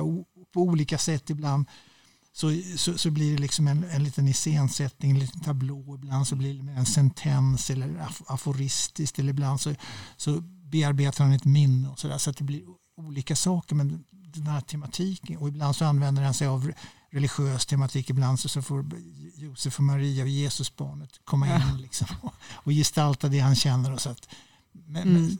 Att det är det som är spännande. Att, att, det, att han... han är väldigt capriccio sådär, som, som din första dikt. Ja. Det är tillfälligt. Liksom. Ja, det finns, men samtidigt är det, är det, intressant tycker jag för att han, eh, man känner i, när man läser, i synnerhet när man läser alla dikterna, eh, att att här är en människa som står i relation till sig själv. Och det, han har, det är väldigt svårt för honom. att och, eh, han, han, prövar sig hela tiden och han tänker över sig själv och sitt, liksom sitt liv. Och hur man ska vara, vem är jag och hur, vad, är, vad, är, bra, vad är, vad är gott och, hur, och sådär. Och så, eh, det är en människa som hela tiden är rörlig i förhållande till sig själv. Eh, men samtidigt så är det, var det ju så med hans skrivande att han, han skrev ju, han, han var inspirationsskrivare. Liksom. Han skrev fort och i perioder och mellan, mellan där skrev han inte alls. Så att det, det var liksom samtidigt var han liksom, han gick på inspirationen i sitt diktande. Ja, men, ja. men, samt, men, men dikterna har ofta en lite eh, har just en karaktär av att liksom, här är en människa som genom dikten står i en slags reflexivt förhållande till sig själv. Liksom, be, tänker på sig själv, bearbetar sitt liv. Men det tror jag är väldigt viktigt att han, var, att han skrev mycket på inspiration. Han var inte beräknande. Han liksom, nu ska jag skriva en dikt som verkligen talar om vad jag absolut står för och liksom slår fast liksom teser. Utan det, kunde, det finns ju ibland dikter då han, han kan vara väldigt svartsynt. Det finns en dikt som handlar om hur att det föredömliga hos djuren, att de, när de känner att de ska dö så går de bara undan. De, håller inte på, liksom, de väntar inte på att ridån ska gå ner och sen att vi, att vi, själv, vi mellan människan väntar på att ridån ska gå ner och sen går vi in och ska ha applåder för vår föreställning också. Liksom. Utan, eh, djuren är ändå föredömliga för de, de bara drar sig undan. Liksom, det där. Mm. Och det, det, är ju liksom en extrem svartsyn förstås. Men, men, men det, det, kunde man tillåta sen. Det var liksom att han fick liksom då Ja. Att inspirationen ledde honom att skriva just den där dikten, de där bilderna, liksom, hur det hänger ihop och så. Oh. Det är ju liksom en absurdistisk dikt liksom, på sätt och vis. Då. Ja. Man kan ju inte komma in och, liksom, och ta emot applåder när man är död men att på något sätt så föreställer vi oss att det ska vara så. Liksom, att vi, vi, vi förutsäger våra egna fantastiska eftermälen liksom, istället för att bara mm. tänk, tänka tanken att vi Ja. Vi går till Elefantkyrkogården liksom, ja. när det blir dags. Mm. Ja, det är ju också... Ja, du ska inte säga något. Nej, nej jag, bara, jag bara kommer att tänka på alla hans olika fantastiska... Alltså, om döden, hans dikter om döden. Och tänkte jag på den här dikten som han skrev som en man som, som i sin ålders höst vann pris, en diktare på väg från livets fest. En vis man säger vad en annan vis sagt före honom. Aldrig född är bäst. Är detta sanningen, vem kommer då det bästa närmast? En belevad gäst som vet när han ska säga tack och gå. Alltså att han, han har så många sådana här roliga... Mm, verkligen. Där, där också roliga så att man ska... Men där är liksom hans gre, någon slags grekisk, någon slags modern stoisk så anständighet. Att man ska uppfylla villkor. att han, det finns en sån sida hos honom också, att man ska men det intressanta är att hans, hans dikter de kommer ju på så självklart på vers. Alltså det, det är ju, de är, de, man skulle ju tänka att liksom, i den här inspirationsdiktningen så man kan ju inte liksom bara liksom haspla ur sig sådana där liksom, verser. Ja. Liksom. Men det, det, var, det var nog hans stora begåvning. Det kanske var det som var hans största begåvning. Att han hade en sån känsla för liksom Ah, den musikaliska versen, det satt i hans kropp. Ja, att musiken kom ja, men, först, liksom. Ja. att han fick en känsla i, i, ett, i ja. en melodi och då födde det språket. På, på liksom. något sätt så. Det, ja. det är väldigt häftigt. Ja, eh, eh, du Sofia, du har ju valt till en näktergal i Malmö. Ja, det, kommer, det, det anknyter till det vi precis pratade om. Den är otroligt musikalisk och, eh, och handlar om en näktergal dessutom och om hans hans diktande via musiken. Eh, och sen är det ju också fint för att den utspelar sig i Malmö. Han ligger på ett sjukhus, när han, han skrev den när han låg på MAS, på Malmö allmänna sjukhus, som ligger precis mitt emot där han växte upp, på Södra Förstadsgatan, där jag också har bott. Eh, eh, precis, jag har bott bara några portar bort faktiskt. Eh, och eh, den är skriven 1942. Så han är inte liksom gammal sjuken men han har något problem med sin hörsel. Han ligger på öronkliniken och han har också problem med migrän. Eh, det hör ihop med öronen vet jag inte. Men det har jag nämligen själv också så jag känner väldigt mycket relation till just den här dikten. Ja, den heter Till en näktergal i Malmö. Jag mötte vänner i så många länder. Men varför blev man ensam under skyn? Jag älskar det som flyr ur våra händer. Jag älskar det som doldes för vår syn. Här ligger jag, en fånge mellan lakan och lyssnar i en mörklagd paviljong. Jag älskar mörkret och jag älskar vakan. Jag älskar tystnaden som blir till sång. I sjukhusparken hänger månens lykta. Det glittrar genom rullgardinens dok. Nu lyssnar alla sorgsna och betryckta till höga visan ur naturens bok. Den största sångaren på denna jorden har kommit för att skingra våra kval. Jag hör musik och letar efter orden. Sjung näktergal, min hemstads näktergal. Från vilket paradis är stämman lånad som tränger in i rummet där jag bor.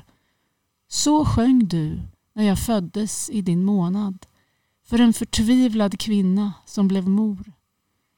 En majnatt hände det som ingen visste. Vår stora hemlighet kom ingen åt. Den som försökte spåra oss tog miste. I toner dränkte du min första gråt.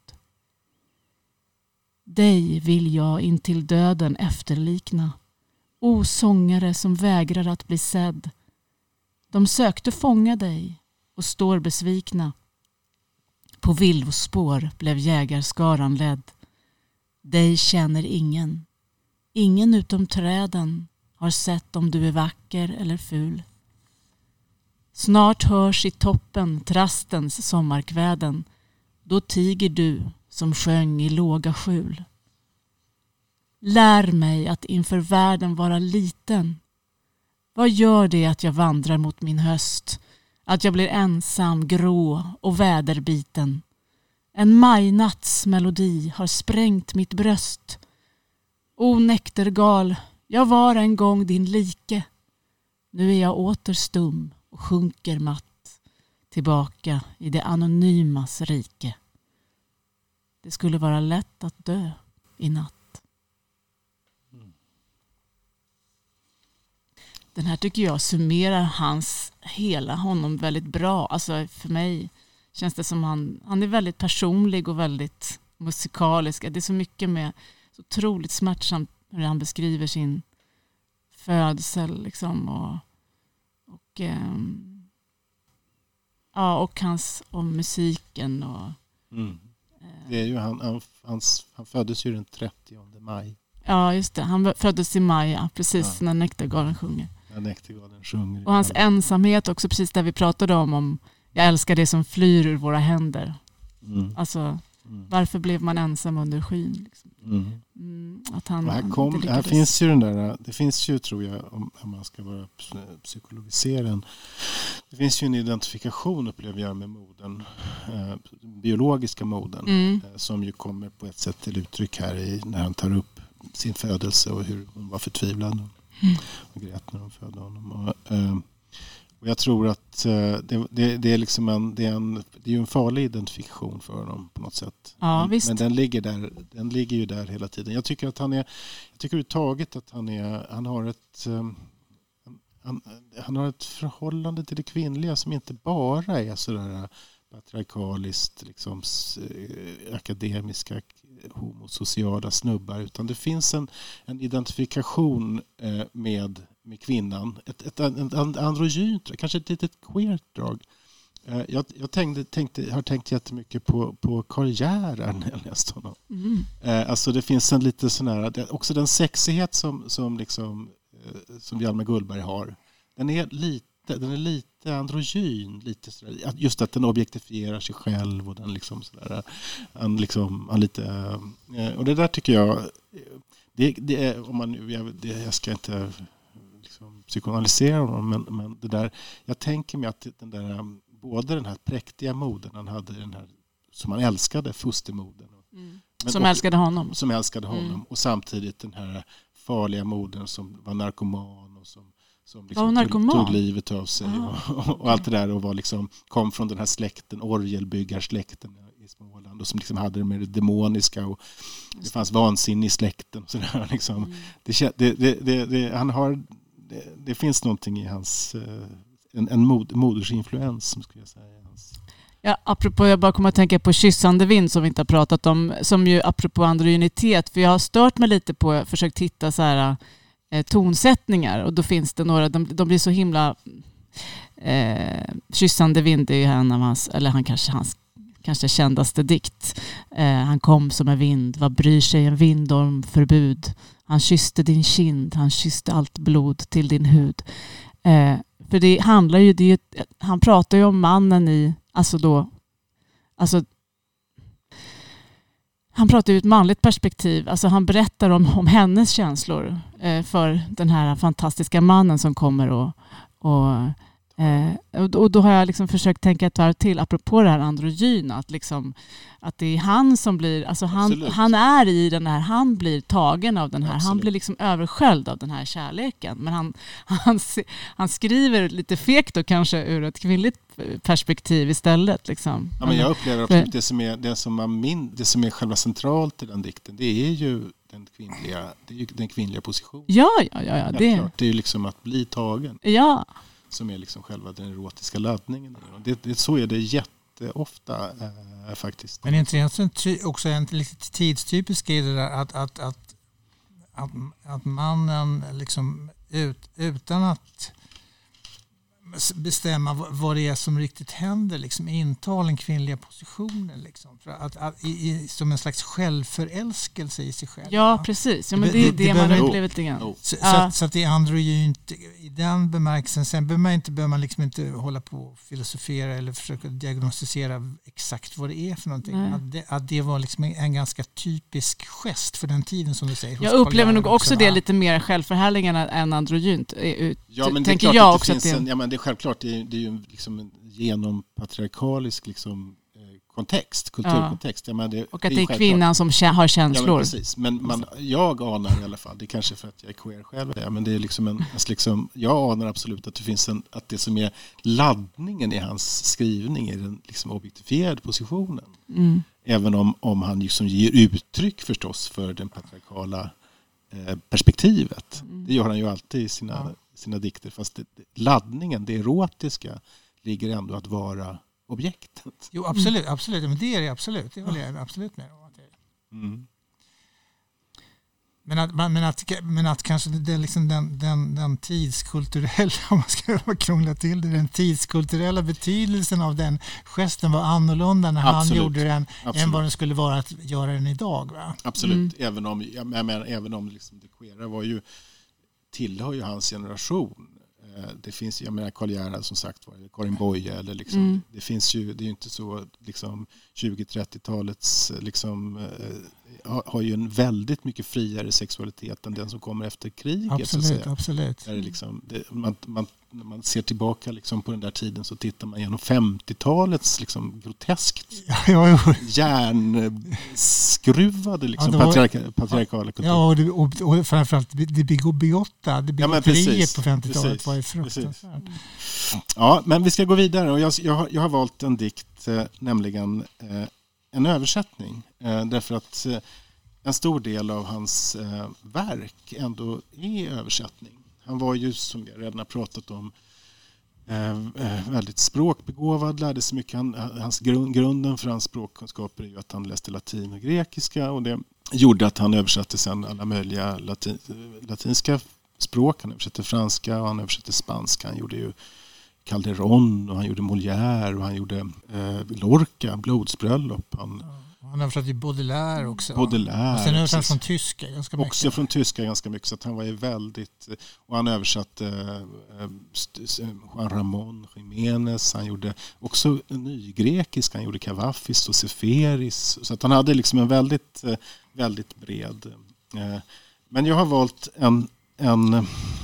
För att ta upp ett annat tema i hans diktning eh, så har jag valt en en poet som, jag, som han översätter som jag tycker på ett sätt eh, har med honom att göra på ett särskilt sätt. Och det är Gabriela Mistral som eh, ju fick Nobelpriset 1945, detta speciella år får man säga, som, som eh, krigsslutet. Och, eh, ja, och då, han har översatt henne redan på tidigare. 44, 43, 44 har han översatt henne. Men nu så gör han en, en hel bok. Ehm, och det här är ju då krigskriget är ju liksom den tid när den svenska poesihistorien skrivs om. Eh, för att det, och, och Gullberg har, har stått för liksom beredskapspoesin.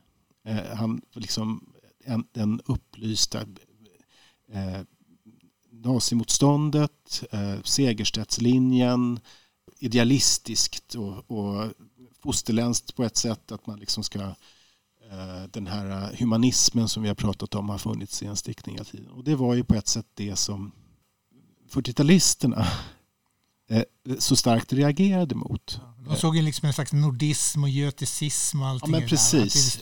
Ja, nationalism. Ja, kvalmigt liksom. Ja, precis, jo. Ja. Eh, och det där är ju en, det, det är liksom och det, det, det klyver ju också Gullbergs författarskap för sen säger han tyst länge och så kommer han tillbaka som en helt annan diktare. Eh, som du säger Göran så anpassar han sig efter tiden eller anpassar sig, han, han, han lever i sin tid. Ja. Men eh, eh, jag vet att han är inte längre då diktarfursten eh, men den nya diktarfursten Erik Lindegren han skriver en essä om Gullberg eh, där han skriver så här eh, den är ju samtidigt är den ju liksom den är både hyllande och, och liksom lite infam. Så här skriver han om Gullberg. Melodislingan i Gullbergs lyrik är alltid lättfattlig och står i paradoxal motsättning till perspektivets djup. Lätt melodi, djupt perspektiv. Eh, delvis beror det väl på att hans konst inte enbart är ett spontant utflöde av hans tanke och känsloliv utan också är underordnad ett strängt och högre syfte. Och det där stränga och högre syftet är ju på ett sätt en anspelning på ja, eh, och också en karaktäristik tycker jag som är helt riktig på ett sätt. Eh, och när han då översätter Gabriella Mistral så, så gör han det. Hon är ju på ett sätt hon är ju precis en sån poet. Hon är, de delar ganska mycket. Hon är tio år äldre. Han eh, men hon är född i en liten håla i Chile och blev genom en, liksom en extrem begåvning helt enkelt eh, Eh, lyckades hon vinna världen från den där liksom skol, skol, skollärarinnan. I, i, och så har hon då den här sam, likartad sorts eh, kristen, humanistiskt, idealistisk patos Eh, också väldigt starkt. Hon, hon, hon är stödjer ju i början de första befrielseteologerna och så. Det är liksom, hennes, det är liksom människan, det är det humanistiska, det är Jesus som är, som är liksom grunden i den här idealismen på något sätt. Och jag upplever när han, när han översätter henne så, så översätter han på ett sätt en, en överlägsen poet. Den, den, som han skulle ha kunnat, den som han skulle vilja bli men inte riktigt kunde bli. Och han, och hans översättning är, jag ska läsa den, den är, jag ska läsa den här, den heter Att dricka.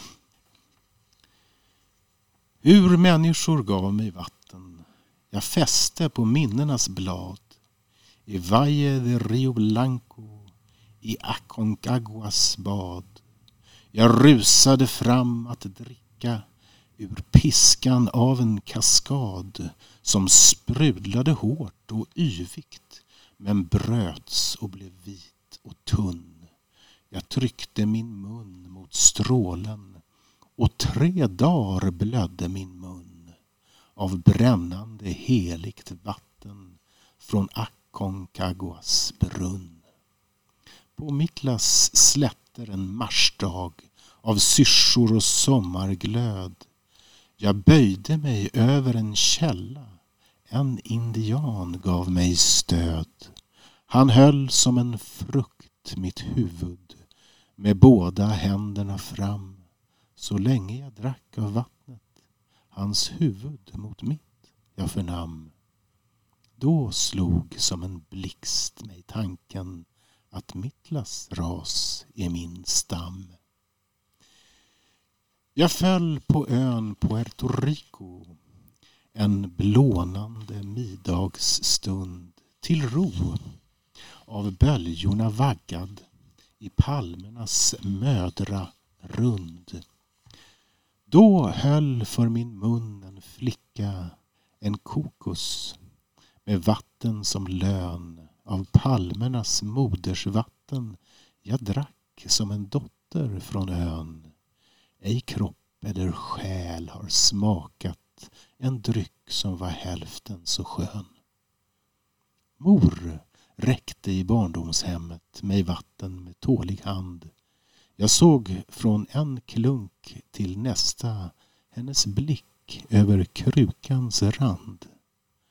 Allt eftersom krukan sänktes steg panna och ögonpar. Mitt väsen har kvar denna vågdal, hennes blick och min törst är kvar. Det kallar jag evigheten, att allting är som det var. Av sättet att ge mig vatten står människans bild för mig klar. Eh, och det, man kan se det som eh, eh, Gullberg lägger till till dikten det är att han ger den en mycket, mycket tydligare vers. Mm. Och han rimmar, eh, hon rimmar eh, sparsamt. Asså. Men det lägger han kan han, inte låta bli. Han kan inte låta bli. Och han, det, det är på något sätt som han ger... Han, det, det, liksom, det måste vara det. Det måste, ja, det måste vara så. Han, kan, han ger henne detta som ja. är hans talang. Ja. Liksom, i, ja. i, jag tycker att det är, är väldigt, väldigt vackert. Oh, faktiskt. Ja. Jo, då, ska jag, nu har vi två dikter kvar och en av dem är min och det är just en kärleksdikt. För att vi ska få ta upp hans eh, kärlekspoesi också som vi har rört vid redan. Och eh, den här dikten är då från hans näst sista bok Terziner i okonstens tid som kom 1958. Eh, och då är han ju på många sätt en ny poet och på många sätt inte alls. Ehm, den här dikten, precis som många andra anspelar på det där som du inte gillade Sofia. Ehm, jag ska säga det. Vadå? Att det, liksom är grekisk mytologi. Ja, grekisk, ja precis. Ja, den här också, det här blev också, jag blev liksom förvirrad av olika ord. Ja, men precis. Alltså, som jag inte orkat slå upp, vilket egentligen jag borde kanske ha gjort. Men eh, det har jag inte gjort, för jag har inte hunnit. Men i alla fall, den, här, den bygger på en, den bygger på en, en uh, kanske liksom den Hanrej-myten framför andra som Homeros beskriver redan och som är, som det, det är Hephaistos som är gudarnas smed och ni vet, stark och, och, så och klumpig.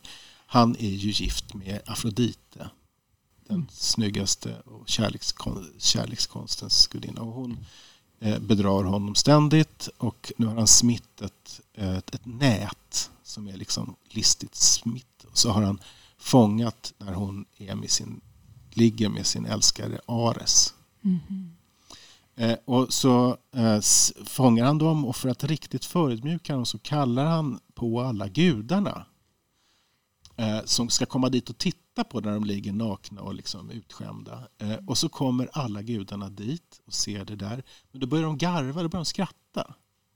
Eh, och eh,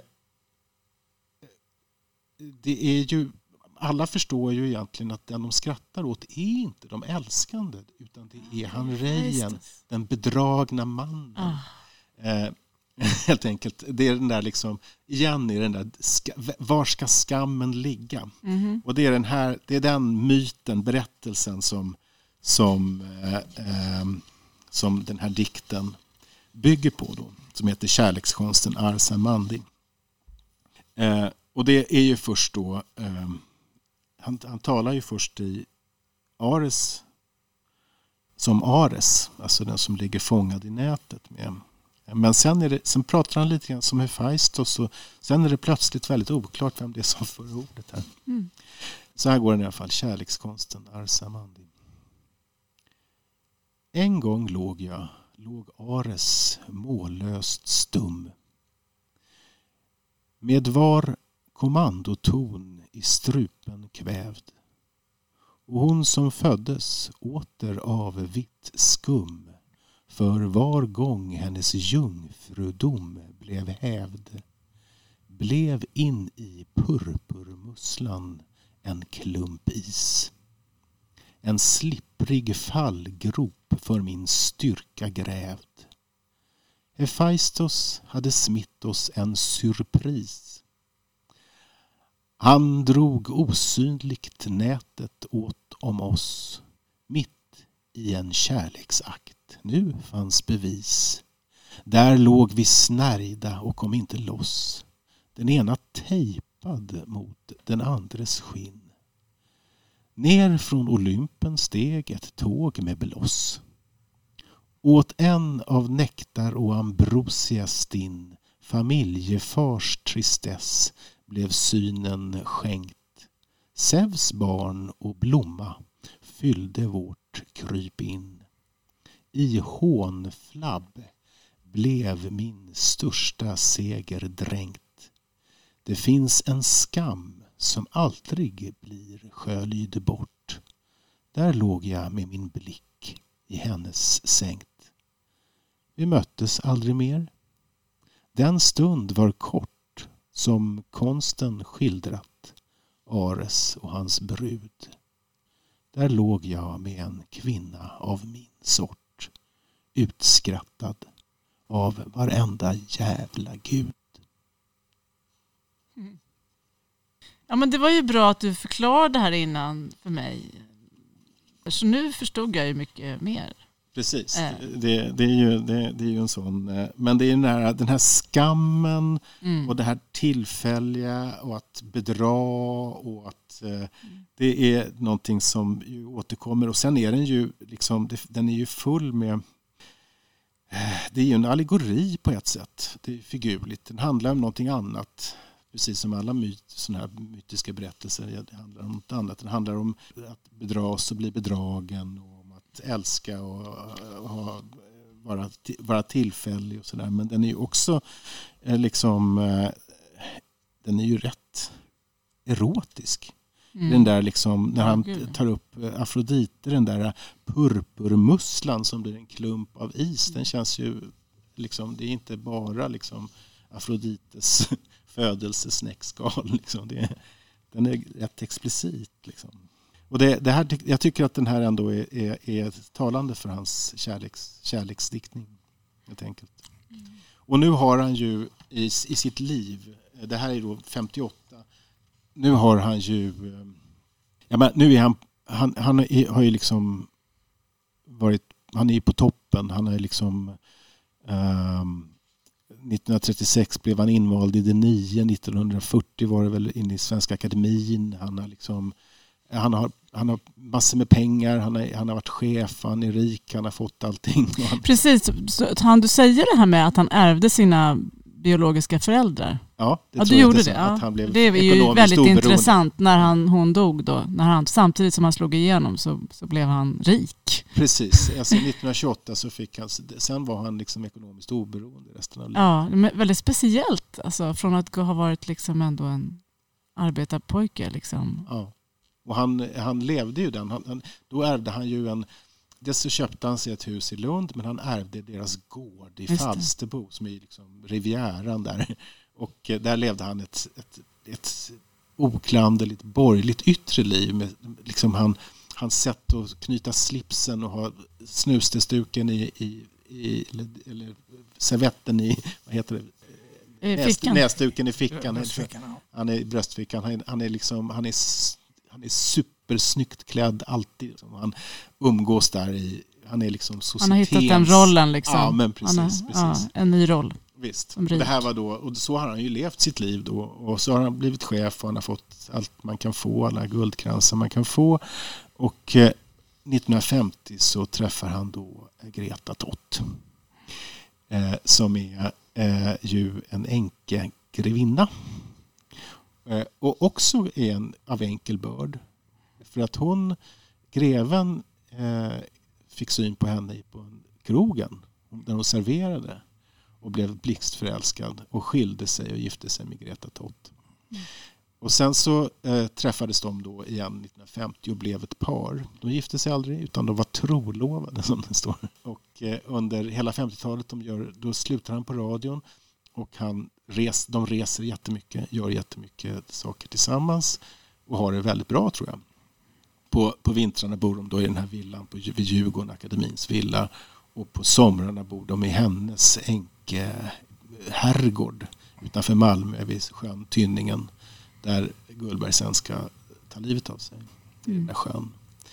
Eh, men, eh, och, så, och så skriver han ju en del. Eh, och bland annat så skriver han den här Tetsiner i, i, i okonstens tid som jag läste ur. Men när, när, han, eh, när de är på resa i Sicilien, det är nog 1958 tror jag på sommaren, så får han eh, något anfall. Han har ju som du sa migrän. Han har haft hela livet, svår migrän, långa perioder. Eh, men det här får han någon slags anfall som är en, en nervsjukdom som man blir förlamad av helt enkelt. Den går upp, böljar fram och tillbaka men tidvis blir man förlamad. Eh, och eh, han tillbringar 1958-59 på, på sjukhus och är helt förlamad. Han ligger i respirator, han kan inte se, han kan inte prata. Han kan, kan inte prata eller? Han, han, han, han har andnings... Han har sån han har respirator, respirator. i sig där. Och, och så kan han då... Intuberad. Ja, precis. Ja. Intuberad. Och så har han då... Men han, kraft, han får då en sån här inspiration liggande där på sjukhuset och krafsar ner någonting på, på nätterna. Och så kommer Greta dit på dagarna, tar hem det där, skriver rent det. Och så blir det hans sista bok som heter Ögonläppar. Uh, och som ju är, som du ska avsluta den här podden så småningom med Sofia med att läsa en dikt ur. Det är en fantastisk bok på många sätt. Uh, då, på ett sätt har de ju skrivit den ihop. Därför att mm. han liksom har... Och, eh, men sen så blir han bättre igen och eh, eh tillfälligt och kommer ut Eh, och de tillbringar, de, han kan till och med börja liksom umgås med folk och sådär. Och han syr ihop det där hålet i, i strupen. Fram till sista sommaren då sjukdomen börjar komma tillbaka. Och då, ja vad händer då Göran? Du, du som har lite koll på... på... Ja, lite koll, jag vet inte. Men då händer ju då att han, han bestämmer väl sig för att ta liv, att göra en Virginia Woolf. Ja. Fast det är inga stenar i fickorna utan han tar en simtur istället.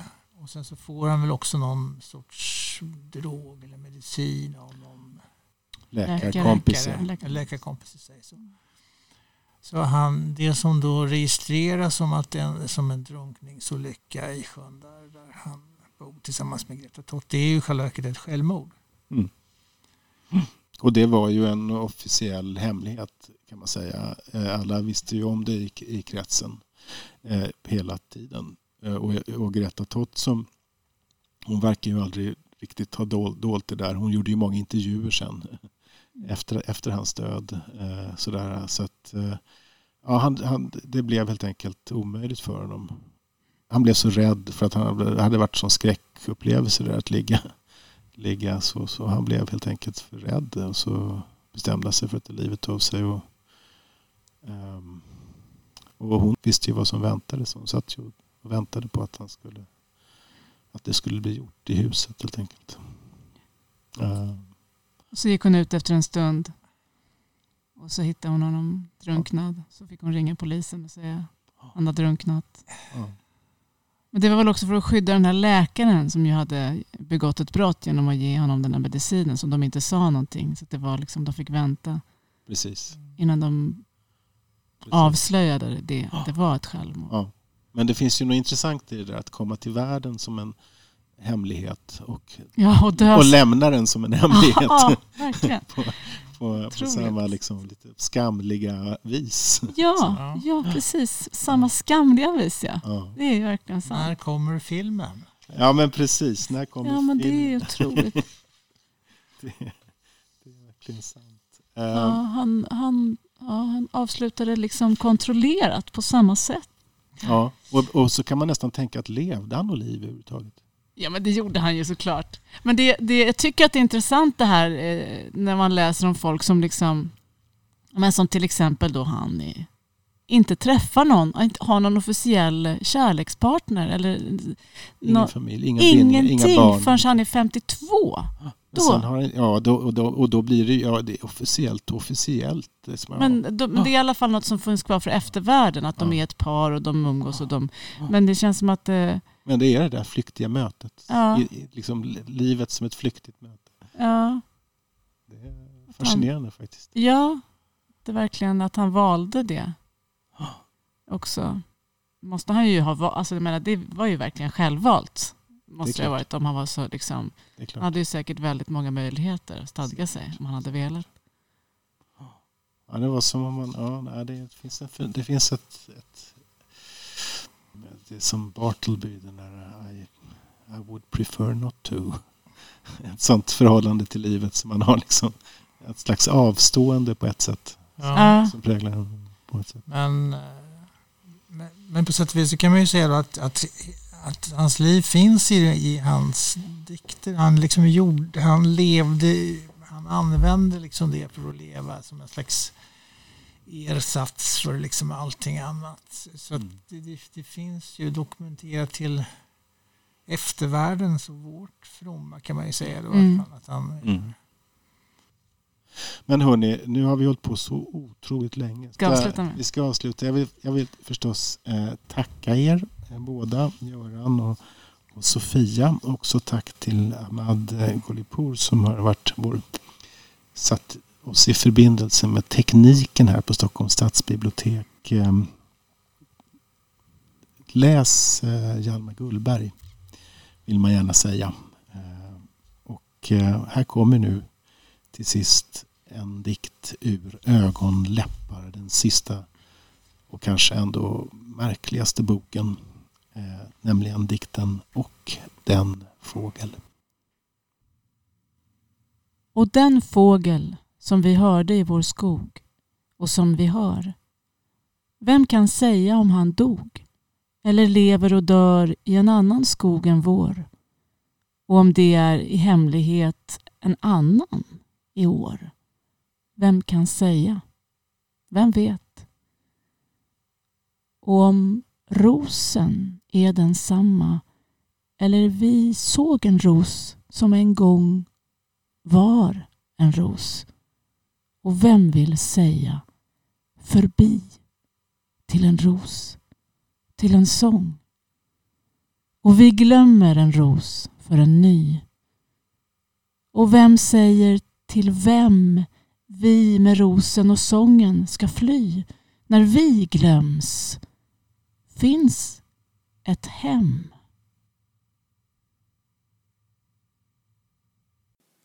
Du har lyssnat till Örnen och kråkans poesipodd. Läs mycket mer om aktuell poesi på ornenochkrakan.se